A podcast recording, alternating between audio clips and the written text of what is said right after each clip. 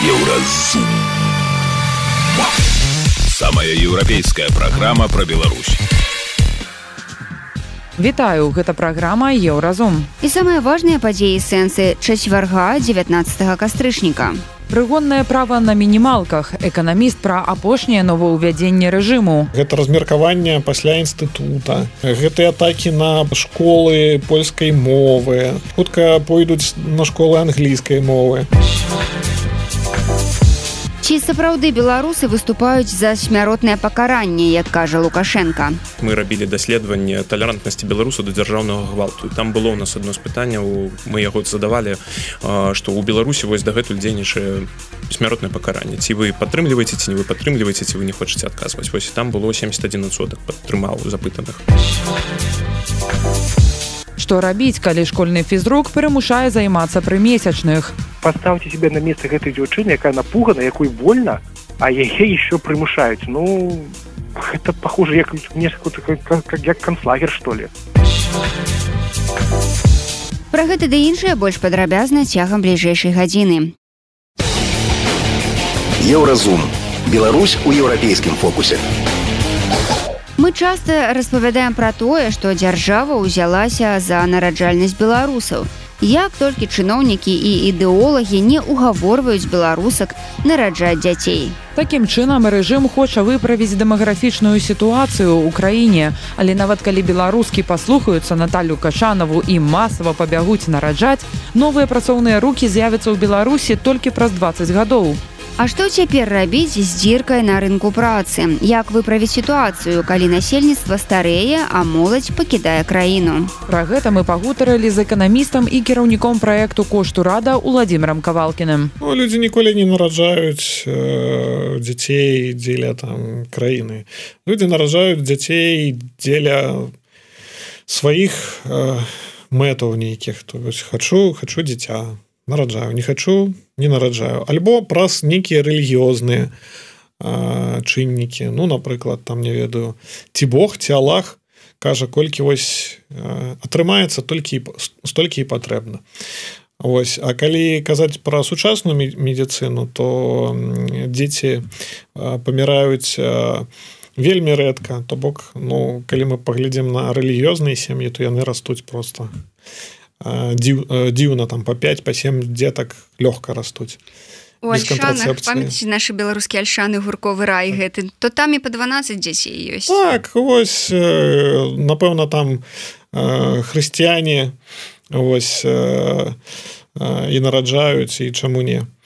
Вось але по загаду людзі не нараджаюць то бок гэта зусім іншыя чыннікі патрэбны. а Вось гэта па-першае. По-другое што рабіць зараз? Ну вось яны разумеюць што працаваць няма каму што маладзёж з'язджае. Яны спрабуюць э, такое э, зладзіць э, такое ведаеце прыгон прыгоннае права на мінімалках.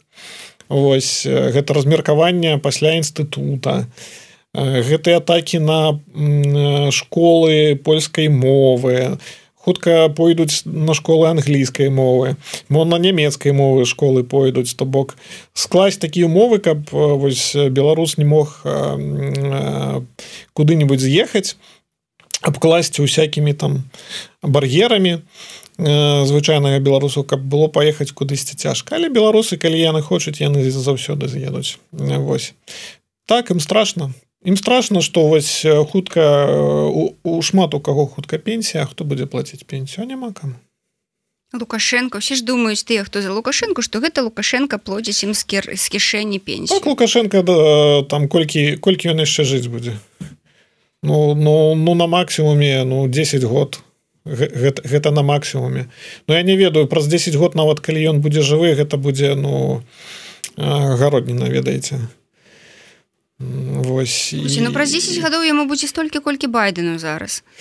Ну так байден жыве ў злучаных штатах жыве ён жа жыве з другой медыцынай Ну лукашенко мае таксама доступ да добрай медыцыны але ну паглядзіце таксама на байдена.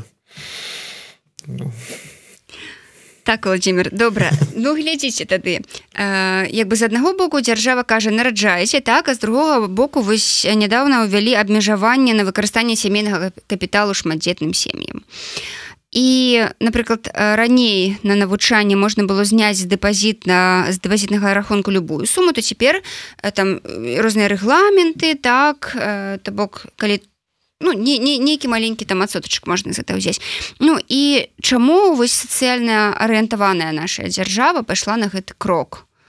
Няма грошаў няма грошаў.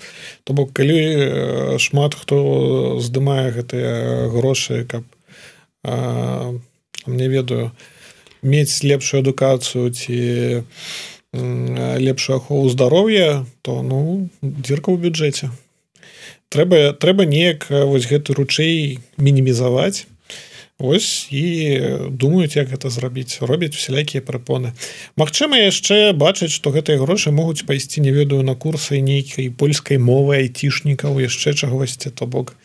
Ну, за, за, за, за, за ўласныя грошы лукашенко не думае что бюджет гэта яго ўласныя грошы. Я тут буду яшчэ займацца падрыхтоўкай будучых спецыялістаў для Польшчы германії злучаных штатаў. Не не не не ось ідзіце там не ведаю. У медыцынскі. А то і не ў медыцынскі вось ідзіце там у сельскагаспадарчую акадэмію. Круціце каровым хвасты Працягваем размову з уладзімерам кавалкіным. Цяпер пагутарым пра беларускія дарогі. Лукашенко аб'явіў наступны год годам якасці праз беларускія дарогі вядома што пра санкцыі на беларускія дарогі крыху забілі Таму што грошы выдавала на гэта Еўропа ці еўросаюз так зараз гэтых грошай няма і гэтак далей. І вось бюджэтныя грошы пачалі на дарогі выдаткоўвацца.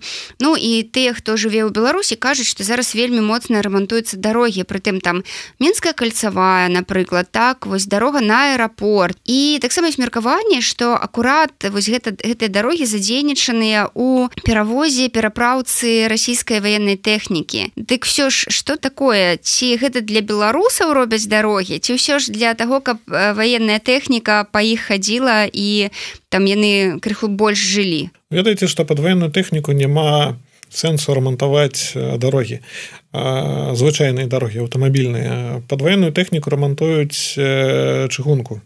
Бо больш за 90соткаў ваеннай лагістыкі гэта чыгунка.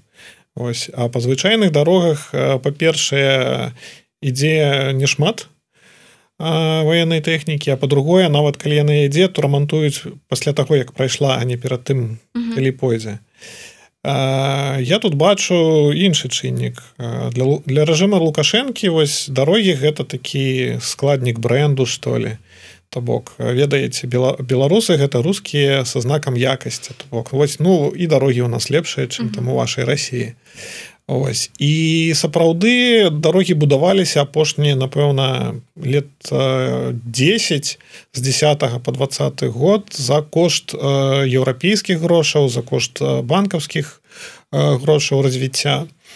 Вось будавались гэтыя калідоры з поўначы на поўдзень з захаду на ўсход. Вось і пасля два -го года ўсе гэтыя проекты схлопнуліся.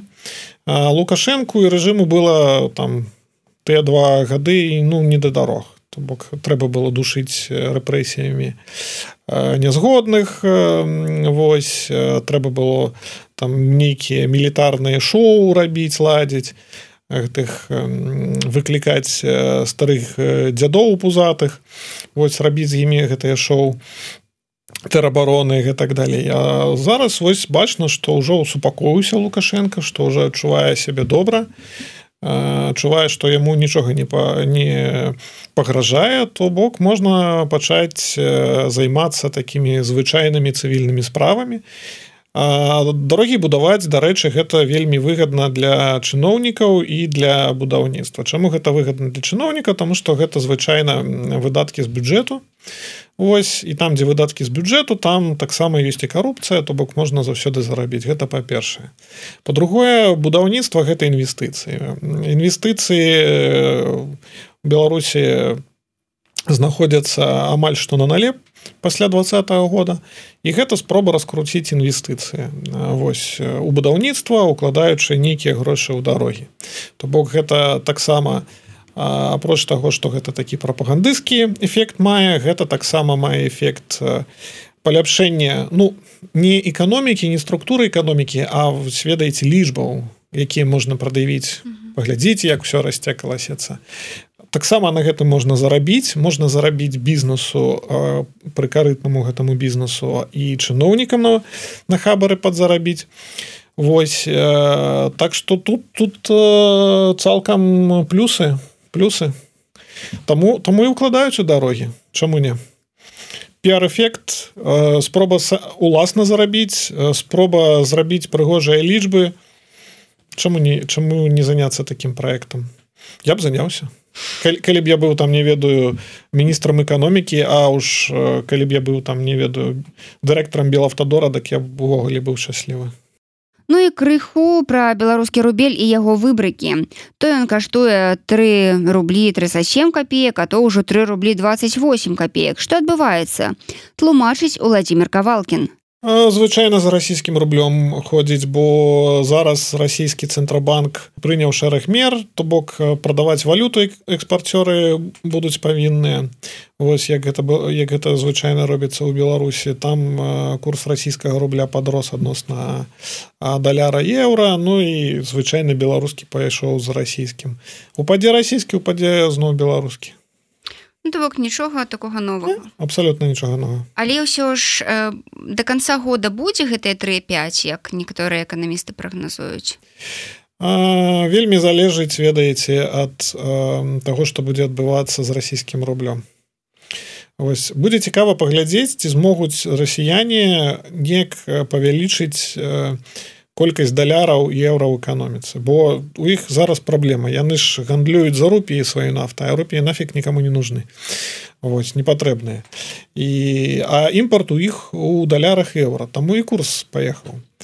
Вось, вось калі атрымаецца нейкую такую валюту нармальную мировую загнаць украіну то курс пойдзе ўніз ну і звычайна беларускі курс пойдзе за расійскім. А калі не атрымаецца то і і 35 бачым і і да чатырох побачым але ну напэўна зараз вось расійскі рубель ён 10 больш-менш узважаны. І вось яго курс на бліжэйшыя там некалькі месяцаў гэта 90 102 гэта нармальны курс калі няма ну там нейкіх таких незвычайных шокаў там я не ведаю нешта ўзарвалася нехта на кагосьці напаў там вайна інтэнсіфікацыя гэтак далей то бок. Ён будзе дзесьці вось у гэтым калідоры вагацца Ну і беларускі рубель будзе за расійскім рублём у гэтым жа калідоры вагацца.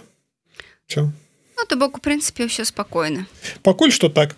Пакуль што няма новых уводных пакуль все спакойна эканаміст владимир кавалкін патлумачыў нам метамарфозы беларускага рубля распавёў чаму лукашенко ўзяўся за рамонт дарог і ці заахвоцяць улады беларусак наражаць больш дзяцей.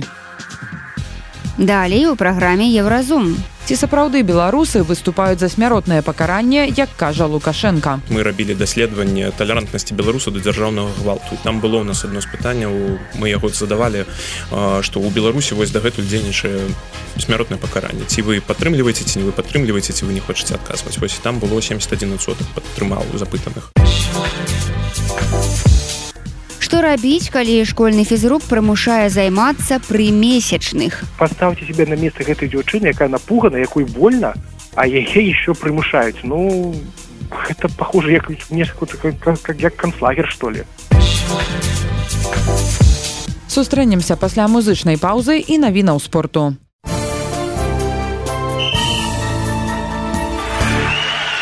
На еўрарадыё навіны спорту. У мужчынскім чэмпіянаце беларусі па гандболе прайшоў матч лідараў. Мяшкоў брест абыграў ска 37-35 пасля першага круга ў брэсцкай каманды 14 ачкоў у армейцаў 12 у жаночым чэмпіянаце з 13 ачкамі лідыруе гомель. Ягор Герасімаў выбыў з тэніснага турніру ў Кітаі. У адной восьмай фіналу беларус саступіў прадстаўніку тайваня цунхау хуаню. Сёмай сотні рэйтынгу 3626. Віцебск стаў аднаасобным лідарам чэмпіянату беларускай хакейнай экстралігі пасля гасцявой перамогі над магілёвам 53 у каманды стала 30 ачкоў на два менш у шахцёра юнацтва мае 26 ачкоў гомель 25 У чэмпіянаце НХл Вашынгтон, за які выступае беларус Алексей Протас, прайграў Атаве 1-6. Протас правёў на лёдзе амаль 13 хвілін. У аднаго з найлепшых футбалістаў свету неймара сур'ёзная траўма. Сёлета ён і ўжо не будзе гуляць. Як паведамляе саудаўскі клуб альхіляль нападаючы атрымаў разрыў крыжападобнай звязкі калена ў нядаўнім матчы за зборную бразіліі. У бліжэйшы час неймара чакае аперацыя. Ў яго яшчэ дыягнаставаны разрыў мініска. Найхутчэй бразілец адновіцца толькі вясной наступнага хода гэта былі навіны спорту на еўрарадыё. Заставайцеся з намі Еўразум жыві ў рытме Еўропы.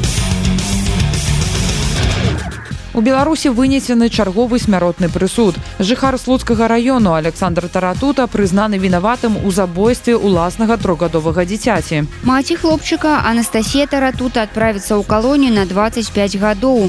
Для жанчыны гэта вышэйшая мера пакарання ў Беларусі. Бацькі прымушалі дзіця галадаць і часта яго збівалі. Беларусь адзіная краіна ў Еўропе, дзе прымяняецца смяротнае пакаранне. Лукашенко кажа, што не можа адмовіцца ад гэтай меры ў заканадаўстве, бо гэта воля народа. Аднак апошні раз на рэферэндум гэтае пытанне выносілася ў 96 годзе. Ці змянілася меркаванне беларусаў з таго часу? Ці ёсць нейкія дадзеныя наконт таго, што такую палітыку лукашэнкі сапраўды падтрымліваюць грамадзяне краіны. Запыталіся ў незалежнага сацыёлага Філіпа Бканова. Ну я б не прывязваў перш за ўсё гэта да ўжо персоны лукашэнкі гэтую палітыку. Гэта ўсё ж таки такое даволі асобнае пытанне як мне падаецца для беларусаў. У 2019 калі не памыляюсь годзе на замову правабронцы супраць катаванняў вось мы рабілі даследаванне талерантнасці беларусу да дзяржаўнага гвалту. І там было у нас адно з пытанняў мы яго задавалі што ў беларусі вось дагэтуль дзейнічае смяротнае пакаранне. Ці вы падтрымліваеце ці не вы падтрымліваеце ці вы не хочаце адказваць. Вось там было 71 соток падтрымаў запытаных. Вось падтрымаў. Падтрымаў так, калі вот так. вот флоп калі вось так вот mm -hmm. то 71 соток падтрымаў. Таксама вось у даследаванні ідэнтычнасці якое раблю у нас у там у іншай фармулёўцы мы там як частка іншага інструменту адно з выказ выказванняў якім мы прапанули прапанавалі людзям пагадзіцца ці не пагадзіцца было выказванне я супраць смяротнага пакарання тут ужо без таких удакладненняў. Вось і там супраць было калі я не памятаю добра там блізка 35 адсоткаў. Восьось чатам хаус нешта пра гэта пытаў. У 2021 у іх была іншая фармулёўка таксама і шкала была трошки іншая. Там падтрымка была блізка 50 адсоткаў. Трымка смяротнага падтрымка смяротнага пакара блізка ў які бок? Тут ну, же важно блізка, ну тут про гэта Ці... можам далей паразмаўляць. Я разумею гэта такія цікавыя пытанні што мы там большасць не большасць. Мы про гэта абавязкова з тобой мусім сёння паразмаўляць. Вось але я думку до конца давяду. Я хочу сказаць что гэта даволі распаўсю распаўсюджаны погляд ну што смяротнае пакаранне трэба захаваць у беларусі. На жаль ну я як чалавек з гэтым не згодны. Мне падаецца гэта даволі хібнай практыкай увогуле. Не толькі датычна беларусі вось але ну сярод беларусаў гэта даволі распаўсюджанае меркаванне. Калі спекуляваць чаму вось у 2019 калі мы гэтае даследаванне для праваабранцаў супраць катаванняў mm -hmm. рабілі мы побачылі што гэта даволі ну так звязана з стаўленнем да дзяржаўнага гвалту агулам. Вось что калі люди толерантна ставятся ну что калі там якую закономернасць мы побачылі что люди ацэньваючы ты ці іншы учынак пакаранага не толькі смяротна пакаранага а просто пакаранага яны вось ацэньваюць там ці гэта было небяспечна ці сам гэты чалавек быў небяспечны ці яго учынак быў небяспечны. І вось калі небяспечнасць учынкай чалавека ацэньваецца высока так ці яго паводзіны ўспрымаюцца як э, такое парушэнне нормы і э, у такім чынам кара яна ўжо не ўспрымаецца нават як гвалт Да, можна такое меркаванне высказаць выказаць што яно ўспрымаецца хутчэй як заслужыў. Заслужыў да, так, ну, ты... як такая справядлівая кара. Вось і э, смяротнае пакаранне ну калі ўспомніць ну зараз гэта я я мне шчыра жаль я не чытаў яшчэ про гэта астатні кейс каго там пакаралі. Але раней як камунікавалася вось просто каго забілі там? Зарэзаў 19 нажывых ранаў там згвалціў трох жанчын спаліў хату і вось таких людзей толькі смяротна каралі. Ну і калі ты про гэта чытаеш ну пада, пада, падаецца что гэта супер цяжкія нейкія там злосныя цынічныя там забойствы і ну людзі якія таких таких даволі кансерватыўных у гэтым сэнсе поглядаў ну яны могуць лёгка лёгка сабе ўявіць як яны соотносяць что гэта суразмерное такое бок можна так краху зманіпуляваць гэтай грамадскай думкай э, абсолютно ну, там дэгуманізаваць гэтага чалавека сэнсе, на лаве падсудным сэнсе так улічваючы что у нас праблемы з, до, з доступам да іншага іншай стороны пытання да. незалежнай інфармацыі то чаму я кажу пра зманіпуляваць? Тому что у дачыненні да праціўнікаў беларускіх уладу адбываецца прыкладна тое так, самае так, да так. нас называюць экстрэмістамі тэрарыстамі калі каго-небудзь затрымліваюць падчас палітычных пратэстаў у міліцэйскіх прэс-релізах ён падаецца як удзельнік дэструктыўных рухаў mm -hmm. фанат ультра ультрафутбольны фанат там абавязкова яны не згубяць магчымасці напісаць там затрымліваўся за то за то за это mm -hmm. ну і карацей малюецца партрэт там умоўна праціўнік лукашэнкі жахлівы сацыяльна небяспечны ціпчык не mm -hmm. да? і тут тое самае калі значится ідзе на смяротнае пакаранне то прынамсі праўладная прапаганда яна не дасць нечага такого чалавечага по пазітыўнага про таго хто сядзіць на лаве падсудных. Адпаведна людзі якім прымаць гэтую навіну пра смяротнае пакаранне яны лічаць што ўсё справядліва. Я думаю что тут ты памы мой дарога ўсё ж таки ну гэта такое я разумею ну что гэты даволі жахлівая сітуацыя якую трэба ў галаве змадэляваць тому что гэта можа адбыцца просто няма страхоўкі ніякай что гэта ніколі не адбудзецца на жаль. Ось але калі мы казалі пра ці падтрымаюць гэта людзі ну хіба не? Вось таму што ўсё ж такі ну прыйдзецца рысаваць ужо ўвогуле там маляваць нейкую картыну выдумляць нейкія падрабязнасці супер жорсткія то ж сказаць што ён там тэрарыст дэструктыўны там тэрарыст загроза нацыянальнай бяспецы які там схадзіў на марш і на дарозе там перакрыў гэтага не будзе дастаткова каб гэта апраўдаць. Да, А калі напрыклад казаць глядзі А калі казаць што гэты чалавек хацеў пусціць пад адкос цягнікі з пасажырамі? І мы яму спачатку калені прыстрэлілі за это да? А цяпер ён у нас по тэрарыстычным артыкуле ну, пойдзе да? Ну, вось калі пусціў, не пусціў але, пусціў, але все так? все гэта прыроўніваецца да. Что мы ведаем про беларускае грамадства гэта тое что гвалт у ім даволі не дужа любяць Вось калі можна без гвалту лепей без гвалту. Вось і сапраўдным шокам вось у 2020 напрыклад было быў менавіта гвалт. Гэта тое на што зрэагавала ну тыя людзі якіх калаквіяльна вось у гэтых даследаваннях які мы робім які іншыя аналіткі робяць называюць нейтралами так? -huh. это тое на што гэтыя людзі зрэагавалі і непрыняццё такога несуразмернага гвалту гэта было то што яднала грамадства нават з я бацькамі на пэўны момант вяртаемся да размовы з незалежным сацыёлагам філіпам беканавым гутарым пра смяротнае пакаранне ў краіне дзе гвалт легалізаваны на дзяржаўным узроўні. Я б сказаў што э, вельмі цікава што э, вось гэтае слово несуразмерны гвалт прагучала mm -hmm. яно вельмі тонкае таму што суразмернасць гвалту это вельмі суб'ектыўна для кожнага гэта вось сваё нешта да? Але вот э, калі да несуразмернага гвалта вось беларусы э, дрэнна ставяцца да? Так да сура суразмерного мне здаецца вельмі добра. Ну напрыклад умоўна кажучы паставіць там дзіця у кут калі яно нешта там зрабіла ці шлёпнуць да слеганцаці вось а тое что нам кажуць про жанчын там да про тое як там з імі трэба да і адсутнасць закона про хатні гвалт да. Разбірайцесь там у сваёй сям'і да значится калі заб'е приходзьце да. Вот тут мы вам значится уже дапаможем ну вот так вот иронично скажу. ну, ты комментар хочешь да это в принципе ну, э, ну бач я не могу сказать что у нас такой просто в этом сэнсе там кансерватыўнае такое пале выкопнае грамадства ну так на жаль такія стаўленні яны даволі пашыраныя ці іх супер багата я ну я б не сказаў что ўсё катастрафічна плохо. Ну то бок як паглядзець канешне калі ты праваабаронца то я думаю что такое стаўленне яно за праваабаронца ты бачыш перад сабой працу працу працу. але, але канешне канешне хацелася б меншай талерантнасці да, да, да гвалту агулам і меншай кансерватыўнасці які б лишь бы табе правесці каб вам цікава было. Ну давай апошняе пытанне на гэтую тэму.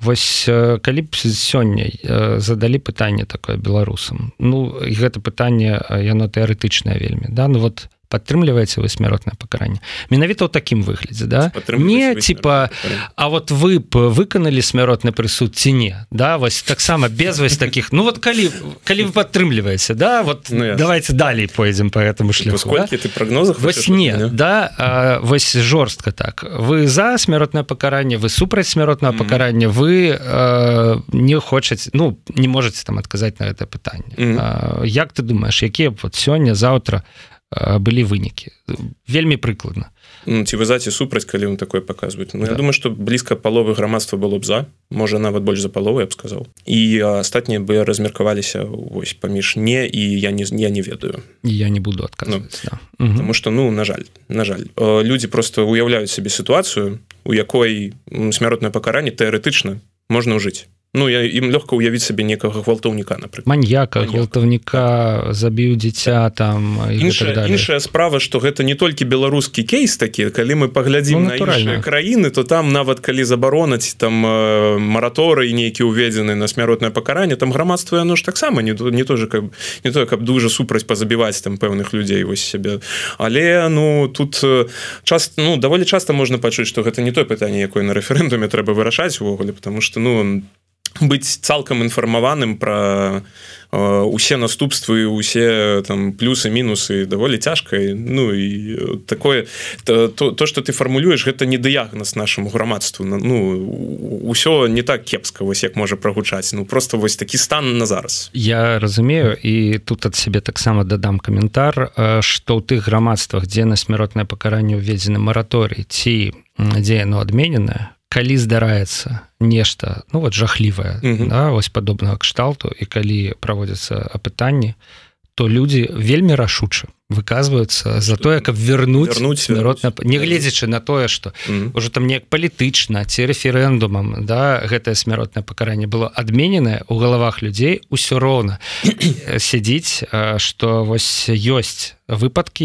ёсць там злачынствы за якія смяротнае пакаранне ну абсолютно лагічна Незалежны сацыёлог Філіп Бканаў і наш рэдактор Павел Свердлоў толькі што разважалі пра тое, чаму беларусы выступаюць за смяротнае пакаранне. Далей у праграме еўразум. Што рабіць, калі школьны фізрук прымушае займацца пры месячных. Паставце себе на месца гэтай дзяўчыны, якая напугана, якой вольна, а яе еще прымушаюць. Ну это похоже як, как, как, як канцлагер што ли.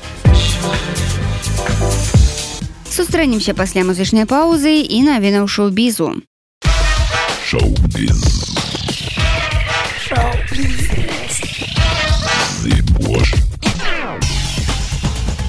Вітаю гэта навіны шоу-бізу Адна з самых вядомых мадэляў у свеце Бла Хадыд закруціла новы раман. Прыгажуню падлавілі за гарачымі пацалункамі з таямнічым незнаёмцам. Хадыты, якая зусім нядаўна перажыла разрыў з арт-дырэктарам Маркам Калманам, нядоўга заставалася адна. І не дзіўна, бо за абвастрэннем хваробы лайма мадэль паставіла кар'еру на паўзу. А значыць, у яе з'явіўся час не толькі на чэкап арганізма, але і на спатканні. Журналісты вырашылі даведацца ўсё пра новага хлопца хадыты і гатовы гатовы прадаставіць міні-дасье незнаёмца яго клічуць Адан банюэлас і па прафесіі ён каўбой каханыя пазнаёміліся ў тэхасе дзякуючы агульнаму захапленню канямі і верхавой яздой Галівудскі акцёр Кевин Спейсі стаў запрошанай зоркай на лекцыі пра культуру адмены ў Оксфордзе. Студэнты апладзіравалі яму цэлую хвіліну. На YouTube канале выданні з дэспектейтер апублікавалі відэа, знятыя падчас лекцыі пра культуру адмены. Пачатку на сцэне выступіў рэдактар часопіса, які разважаў пра эпоху, якой грамадства адварочваецца ад чалавека, цытата безасаблівы на тое прычыны. А пасля да прысутных выйшаў чалавек, якога наўпрост закранула тая самая адмена Кевин Спейсі. Акцёр зачытаў 5 хвілінны маналог з п'есы Уильяма Шекспіра жыццё Тимона Афінскага і скончыў свой выступ на пафаснай ноце. Мне надакучыў гэты фальшывы свет і я не буду кахаць яго. выгукнуў акцёр, пасля чаго рэзка пакінуў сцэну, а праз імгненне вярнуўся. Зала сустрэла зорку картачнага доміка авацыямі, якія доўжыліся каля хвіліны.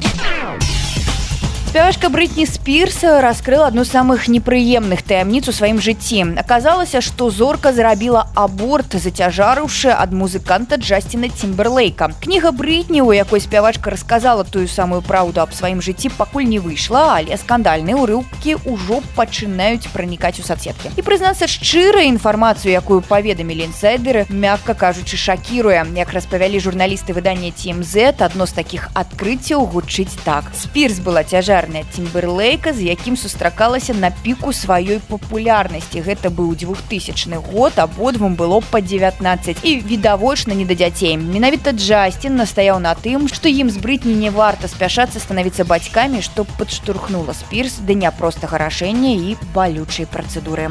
Гэта былі навіны шоу-бізу. Заставайцеся на хвалях еўрарадыё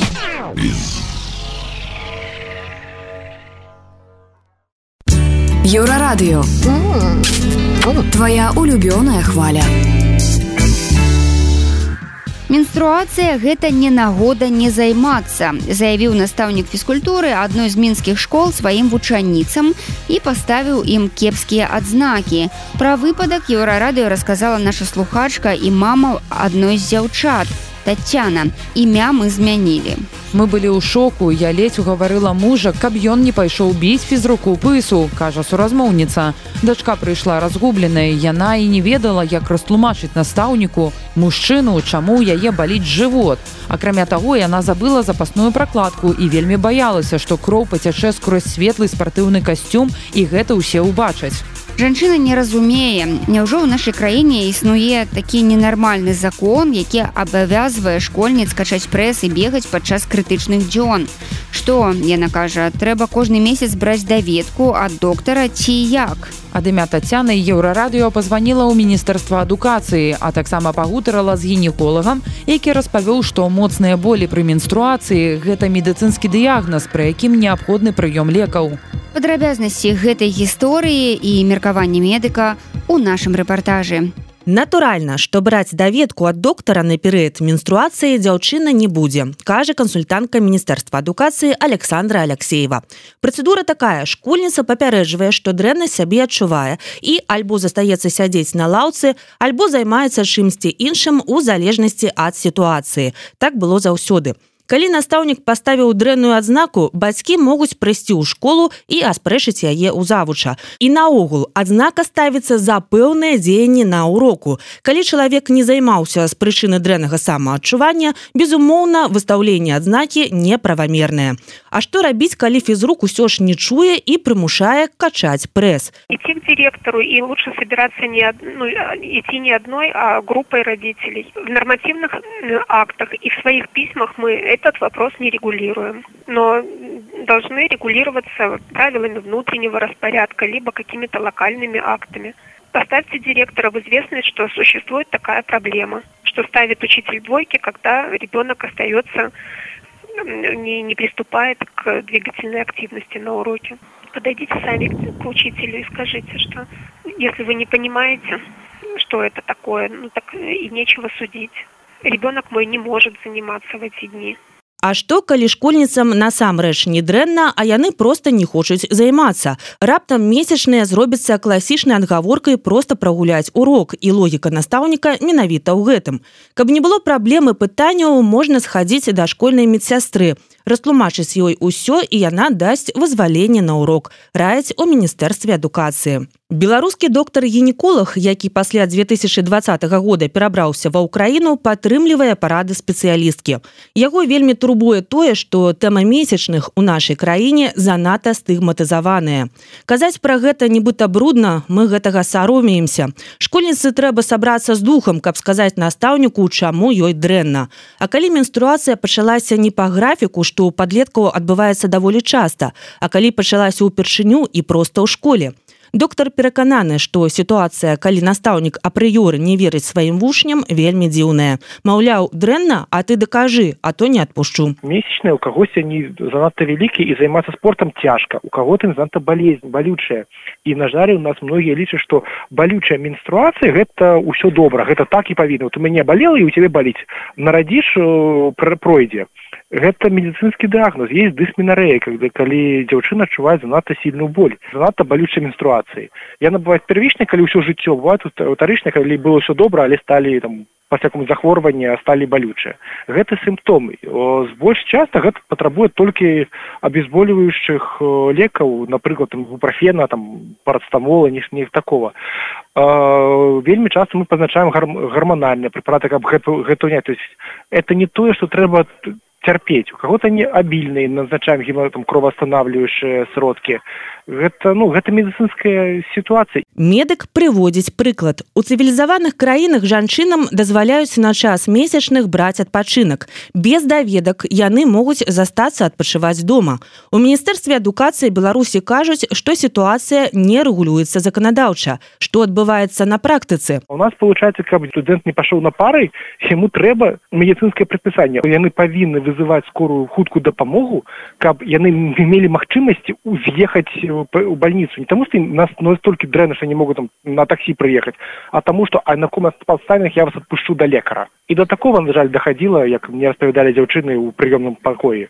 Ну на жаль у нас вельмі сексістка с краіна і дзяўчына у нас ну гендерная праблематика у нас вельмі цяжка на, на данный момент стаіць тому я могу просто на не ну не вельмі парадачнага настаўніка які цярпі нічога чуць не хачу можа там былі іншыя абставіны которых мы не ведаем но якім бы калі нехта адчувае себе дрэнна і не хоча займацца спортом.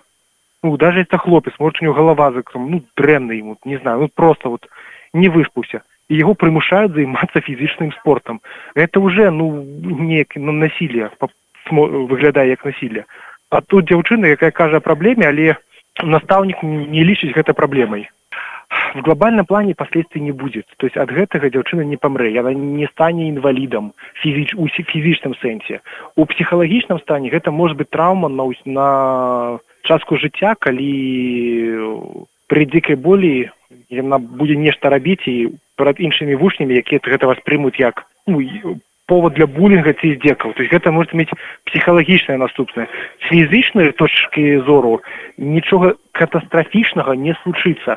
Але калі ну то есть яна не памрэ а яна вам может страціць прытомнасць ад болю на балявым шоке. Она можа ну гэта больно гэта гэта может быть вельмі дзікая боль. Яна может нават страціць прытомнасць ад болю да яна ад гэтага не памрэ в такой выпадку вы выклікаюць хуткую или там у мецішкольная медсестра у колета или даст я обезболивающий гэта пройдзе но поставьте себе на место гэтай дзяўчыны якая напугана якой больно а яе еще прымушаюць ну это похоже як как як канцлагер что ли. Не павінна быть увогуле это здзека над человеком А што трэба памяняць у школах, каб дзеці адчувалі сябе абароненымі і не рабіліся аб'ектам булінгу. У сваёй прафесіі я працую только з дарослымі э, пацэнтамі. З точки з майго зору як вот, ну, просто грамадзяніна гэта і вот гэта і ёсць тое самае палавое воспитанне, якім у нас пугаюць, што гэта разрашчае маладзёж. Дзяўчына і хлопчык должны ведаць там с десяти там может семь я не знаю я не ведаю это уже у психолога спрашивать что менструация гэта нормально. Яна там пачынецца девушкой двенадцать гадоў яна не павінна гэтага пужацца то есть яны должны ведаць что да такое бывает да это гэта это нормальная ситуация. Мы ж не здекав не будем стигматизовать тое что там хлопчык там не знаю простыл і с носу у него сопли цякуць ну тая ж самая картина. Гэта фізіялагічны працэс якога якой не трэба ну якому трэба относиться как к фізіялагічнаму працэсу ну вось зараз у чала у дзяўчын там балючая месяц менструацыі і фізкультура яна прыняла там таблетку анальгіну умоўнага і просто села там отдыха ну как там не прогуливала школу бла бла бла все вот это там отказность наставника и села у спортзале там читает книжку або делает тое что ей позволяет яе на стан здоровья или ввогуле домой ее отводить потому что ну это может быть вельмі балючая ситуация. И тогда уже и к лекару то есть гэта павінна быць это нармальна чалавечае жыццё в этом гэта нічога бруднага нічога не ненармальнага гэта фізіялогія і пра гэтым павінны распавядаць у том ліку і бацькам то есть у том ну па-першае дзецям но у том ліку бацькам што гэтага не трэба саромецца это нармальны фізіялагічны працэс таму памет палавое воспитание вось вось як это павінна перабытаць і чалавечая адносіна до школьніка гэта ўсё таки чалавек а не э, закрой свой рот і ідзі рабі што што тебе приказалі это ну тая ж тоталітарная сістэма только ў школе. Я не говорю что гэта паўсямесна але на жаль такія настаўнікі тоже э, у нашай стране існуюць якія ну, ну здзекуюцца над дзецьмі не ў сэнсе фізічнага там какого-то здзека а ў сэнсе таго што они прымушаюць іх делать тое что дети не хотят не, не в плане там навучаться а ну просто тиранят детей. Самоутверждаются. Такое к сожалению мои ну у меня это в школе было. Я не ведаю все их истории. Мы ведаем только то что распавела э, распавядала так понимаю матуля. То есть як вельмі правильно отреагаваў мінука адукацыі что гэта быць не павінна праблема ў тым что гэта про гэта про тое про что трэба раз, распавядаць дзецям что гэта менструацыя гэта не бруд гэта нармальная фізіялагічная рэакцыя і гэта трэба распавядаць. Это тое самае палавое воспитание а якому нас якое подрывае наши сямейныя ценности У беларусі шмат гадоў распаўсюджаная практыка абавязковых медыцынскіх аглядаў. Гэта калі школьнікі і студэнты арганізавана праходзіць дактароў у паліклініцы. Што з гэтым не так На думку лекара у самой ідэі медагляду няма нічога дрэннага. Паход да гінеколага у падлеткавым узросце ўсім гуртом магчымы і перабор. Але з іншага боку калі арганізаваць яго нармальна калі напрыклад хлопчыкі ідуць да лора а дзяўчаткі ў гэты час праходзіць гінеколага то чаму бы не? Вядома падлеткам можна было б сядзець і ў адных чэргах калі б іх загадзя да гэтага рыхтавалі. Станіслав салавей нагадвае што дактары павінны працаваць прафесійна і памятаць пра медыцынскую таямніцу. Многія подлетки баяцца ісці на агляд толькі таму што раскрыюцца некія падрабязнасці іх інтымнага жыцця. Інфармацыйная служба еўрарадыо еўрарадыё. Кропка fm Гэта была праграма еўразум штодзённы інфармацыйны падкаст еўрарадыё. Кожны дзень мы распавядаем пра галоўныя навіны беларусі і свету. А сённяшні выпуск скончаны. Беражыце сябе. Пачуемся Еўразум. Самая еўрапейская праграма пра Беларусь.